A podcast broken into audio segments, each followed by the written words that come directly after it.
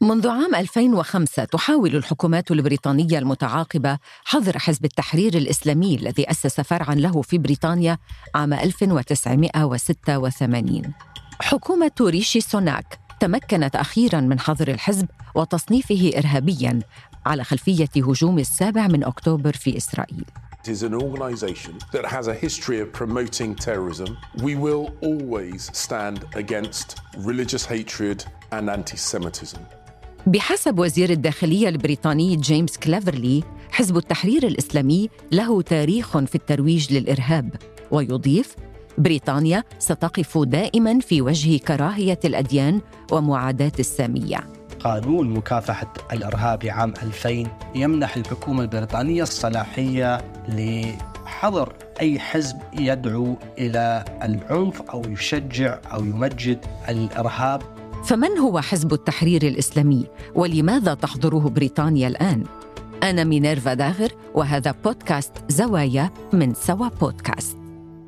يعود تاريخ حزب التحرير الإسلامي إلى عام 1953 حين تأسس على يد تقي الدين النبهاني في مدينة القدس عندما كانت تحت الحكم الأردني.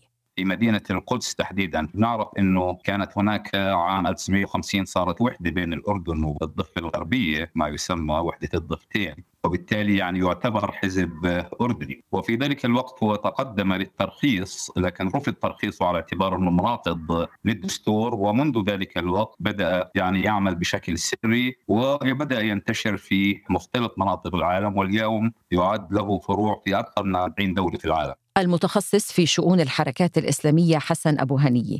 حزب التحرير هو حزب أردني ومؤسسه من أصل فلسطيني. طيب ما هو فكر حزب التحرير؟ كحزب سياسي إسلامي راديكالي انقلابي قيمته الأساسية هو عودة الخلاف يعني هذه هي الأيديولوجيا الأساسية للحزب من خلال منظومة أشبه بالأنظمة الثورية الانقلابية اللي كانت سائدة في الخمسينات بالتحالف مع القوى عسكرية مسلحة وتحديدا قوة الجيش من خلال ما يسميه مبدأ طلب النصرة بمعنى أن يطلب قوى ضاغطة في المجتمع لأحداث انقلاب وبالتالي عودة الخلاف هل يمكن أن توضح ما المقصود بعودة الخلافة؟ هي خلافة تستند إلى الدين الإسلامي وعندهم شروط آه، واضحة لقضية آه، الخلافة إنه هناك تمكين هناك قوة هناك جيش. يعني لأنه حزب التحرير رغم كل هذه راديكاليته وأصوليته في التصورات لكنه على الصعيد العملياتي هو قريب من مفهوم الدولة القومية. يعني يؤمن بوجود دستور بوجود خليفة بوجود قضاة معاونين. يعني الشكل هو شكل دولة قومية لكنه مضمونها هو مضمون يعبئ بشيء يعني ديني أو إسلامي. طيب هذا بالنسبة لفكر حزب التحرير، ماذا عن هيكليته؟ هو يقوم على هيكل تنظيمي يقود ما يسمى الأمير أو لجنة القيادة، ثم بعد لجنة القيادة هو بيقسموا العالم العربي والإسلام حتى لو أوروبا ولايات بسموها ولاية الأردن، ولاية لبنان، ولاية باكستان، ولاية بلجيكا مثلا وهذه الولايات تصل إلى لجان محلية وبالتالي دائما يجري عملية انتخاب من اللجان المحلية إلى لجنة الولاية اللي هو كل ولاية بيكون أمير عنها وهناك القيادي العام الأمير العام لكل هذه الولايات. ومن أين يحصل هذا الحزب على تمويل؟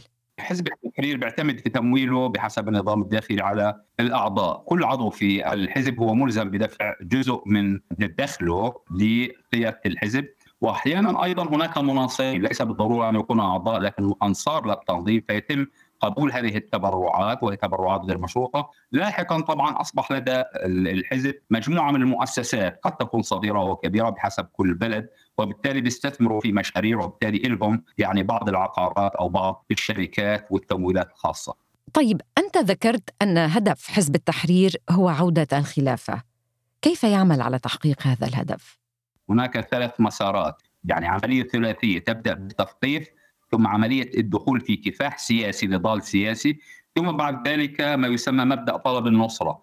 أي طلب من أي قوة وتحديدا مثلا قوى الجيش أو القبائل بحسب كل تركيبة اجتماعية لعمل نوع من الانقلاب.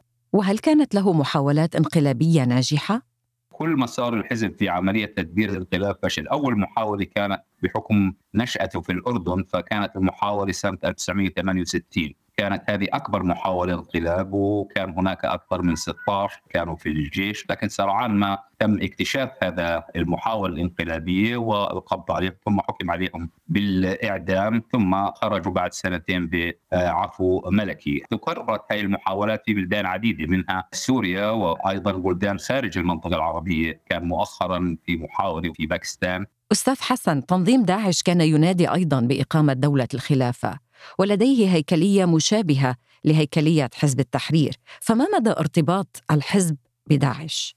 هناك خلاف كبير بين تنظيم الدولة الإسلامية داعش وبين حزب التحرير. عندما أعلن البغدادي مثلا في حزيران 2014 الخلافة في العراق وسوريا أصدر بيان زعيم التنظيم عطاء أبو وقال بأن هذا خلافة باطلة وغير شرعية وأنها لا تستند إلى الدين الاسلامي واعتبرها خلافه باطله، يعني هم عندهم لا يجوز أن يستخدم هذا القتال أو العنف إلا عن طريق وجود خليفة، هو الخليفة ذاته اللي يعلن ما يسمى الجهاد أو القتال بشكل أو بآخر، وبالتالي كانوا مختلفين ودخلوا في نزاعات في سوريا مثلا في العراق وفي كثير من الدول مع الجهاديين.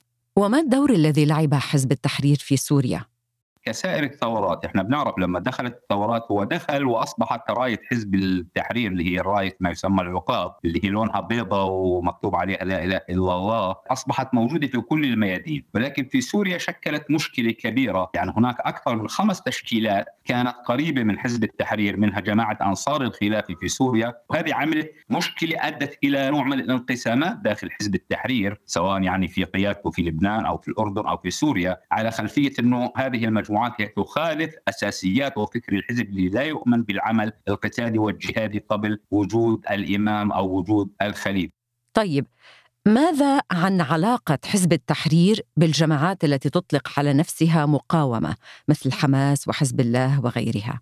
هم مع أن وجودهم في فلسطين كانوا يرفضوا على الإطلاق مبدأ المقاومة المسلحة وهذا أيضا عمل لديهم مشاكل كبيرة إحنا بنعرف أنه بالضفة كانوا يعملوا مؤتمرات كبيرة يحضرها آلاف يعني المناصرين وهناك أتباعه كان الفرع بفترة ما قوي في الضفة ولكنه لا يتبنى العمل المسلح وبالتالي علاقة مع هذه الفصائل دائما كانت متوترة. يرفض هذه الطريقة حتى في قضية المقاومة ولكنه في نفس الوقت أحيانا يعني يبدي نوع من المرونة تجاه بعض الأحداث زي ما يحدث في غزة. يعني مناصر بمعنى أنه مناهض للاحتلال الإسرائيلي لكنه ليس مؤيد لهذه الحركات أو نهجها وطريقة عملها حزب التحرير كما قرأت عنه في مقال لمركز كارنيجي يرفض علنا الديمقراطية وحقوق الإنسان وهدفه الاطاحه بالحكومات وإقامة الخلافة، لماذا اذا لا يزال الحزب قائما ومنتشرا؟ يعني كيف نفسر عدم تعامل المجتمع الدولي مع الحزب مثل ما تعامل مع داعش؟ طبيعة ايديولوجيته الاصوليه التي هي لا تؤمن بالديمقراطية منظومة حقوق الإنسان يكفر بال الرأسمالية بكل هذه المبادئ. تجعل أنه يتوافر على أيديولوجيا يعني ميسرة للتطرف والعنف لكنها ليست عنيفة بذاتها ولذلك لم تصنف لا الأمم المتحدة ولا أمريكا ولا أي دولة في العالم العربي إنما تم التعامل معه كونه هو مناهض لهذه الدولة الوطنية والقومية كحزب محظور لكن ليس إرهابي لا يمارس العنف. إذا حزب التحرير الإسلامي هو حزب سياسي إسلامي راديكالي انقلابي. يسعى إلى استعادة الخلافة لا يؤمن بالديمقراطية وحقوق الإنسان ولا يؤمن أيضا بالمقاومة المسلحة والعنف. تعامله أغلب الدول كحزب محظور وليس إرهابي لكن الوضع في بريطانيا لا يبدو كذلك. تأسس حزب التحرير في بريطانيا عام 1986 وفي عام 94 وخلال مؤتمر لحزب التحرير في ساحة ويمبلي في لندن طرح زعيم الحزب سؤال ماذا نريد؟ ورد مئات الحاضرين هاتفين الجهاد بحسب صحيفة ذا تايمز البريطانية وبعد مرور ثلاثين عاماً بات حزب التحرير الإسلامي محظوراً في بريطانيا ويصنف منظمة إرهابية بعدما رددت شخصيات بارزة في الحزب هتافات مماثلة في تظاهرة مؤيدة لغزة في أحد شوارع لندن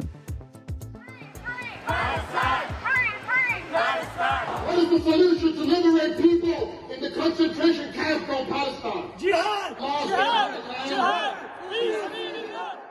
قانون مكافحة الإرهاب عام 2000 يمنح الحكومة البريطانية الصلاحية لحظر أي حزب يدعو إلى العنف أو يشجع أو يمجد الإرهاب مراسل شبكة الشرق الأوسط للإرسال ام بي ان في لندن عمر شاكر لماذا اتخذت الحكومة البريطانية خطوة تصنيف الحزب إرهابيا في هذا التوقيت بالتحديد؟ الحكومة البريطانية هي وجدت نفسها تحت ضغط شعبي وسياسي وفي نفس الوقت كأنما الحزب أعاد نفسه إلى الواجهة بعد أحداث السابع من أكتوبر والتظاهرات التي جرت في بريطانيا. الحكومة البريطانية بهذا القرار وكأنها تقول إنها تلاحق المنظمات التي تدعو لمعاداة السامية والتي تثير المخاوف لأن هناك مخاوف أيضا أبدتها الجالية اليهودية من هذه الشعارات. وجاء هذا الحظر لطمأنة الجالية اليهودية بأنها تلاحق الجهات التي تدعو لمعاداة السامية في بريطانيا. صحيح وبعد ساعات من هجوم السابع من أكتوبر وصف قادة الحزب مسلحي حماس بالأبطال ونسبت صحيفة ذا تايمز عن قياديين في الحزب قولهم إذا كانت حركة مقاومة قادرة على فعل هذا تخيل ما الذي يمكن أن يحققه رد موحد من العالم الإسلامي. بالطبع يعني هذه التصريحات ربما أغضبت الحكومة البريطانية. هذه واحدة من الأسباب الرئيسية التي ذكرتها الحكومة في حظر هذا الحزب بأنه أشاد بأفعال حماس في السابع من أكتوبر بدل الإدانة التي كانت هي الموقف الموحد آه، في بريطانيا سواء من الحكومة أو المعارضة أو من كل المجتمعات والعرقيات المختلفة في بريطانيا. لكنها قالت الحكومة أن هذا الحزب فعل عكس ذلك هو أشاد بهذه الأفعال وهذا بحد ذاته أمر لا يمكن التسامح به في بريطانيا عمر كنا سمعنا قبل سنوات عن اتجاه بريطانيا لحظر حزب التحرير حين حصلت سلسلة الهجمات الانتحارية المتزامنة في ساعة الذروة في لندن صباح السابع من يوليو عام 2005 فلماذا لم يتم حظر الحزب حينها؟ بالنسبة للقرار الذي كان من المفترض أن يتخذه رئيس الوزراء البريطاني السابق توني بلير لحظر هذه الجماعة يعني كما قيل في حينها أنه تراجع نوعا ما عن الخطة أو لم يقم بفعل ذلك بناء على تحفظات من وزارة الداخلية وبعض ضباط آه، الشرطة الذين كانوا يخشون أن يأتي ذلك بنتائج عكسية في نفس عام تفجيرات السابع من يوليو عام 2005 طيب قرار حظر حزب التحرير وتصنيفه منظمة إرهابية دخل حيز التنفيذ في التاسع عشر من يناير ماذا يعني هذا القرار؟ هذا يعني يمنع الانتماء إلى هذه المجاميع أو الدعوة لدعم هذه المجاميع. حمل لافتات أو لبس شعارات تروج لهذه المنظمات. هذه ستكون بمثابة جريمة جنائية يعاقب عليها القانون بعقوبة تصل لأربعة عشر عاما أو حتى دفع غرامة مالية بالإضافة إلى أن كل ممتلكات هذه المجاميع المصنفة في قائمة المنظمات الإرهابية يعني يمكن الحجز عليها من قبل الحكومة البريطانية وهل لحزب التحرير أي وزن في الحياة السياسية البريطانية؟ ابدا ليس هناك أي تأثير لهذا الحزب في السياسة البريطانية. ليس هناك حتى شخصيات بارزة تنتمي إلى هذا الحزب. هو مجرد مجموعة منظمة فرع من حزب دولي قد يشكل نوع من يعني جماعات الضغط هنا في بريطانيا. حزب التحرير الإسلامي في بريطانيا وبعد تصنيفه رسميا منظمة إرهابية أصدر بيانا ينفي فيه أنه معاد للسامية أو يشجع الإرهاب. وقال إنه سيسعى إلى تحدي قرار الحظر باستخدام جميع الوسائل القانونية المتاحة. كان هذا بودكاست زوايا من سوا بودكاست إعداد وكتابة أريج البكار. هندسة صوتية ومكساج ميراس عريان. إشراف سوا بودكاست محمد فاروق عبد الرحمن وأنا مينيرفا داغر. إذا أعجبكم ما نقدم الرجاء الاشتراك وتقييم الحلقات على منصات الاستماع للبودكاست. وأرسلوا لنا تعليقاتكم واقتراحاتكم على منصات التواصل الاجتماعي. نلتقي في قصة جديدة في بودكاست زوايا.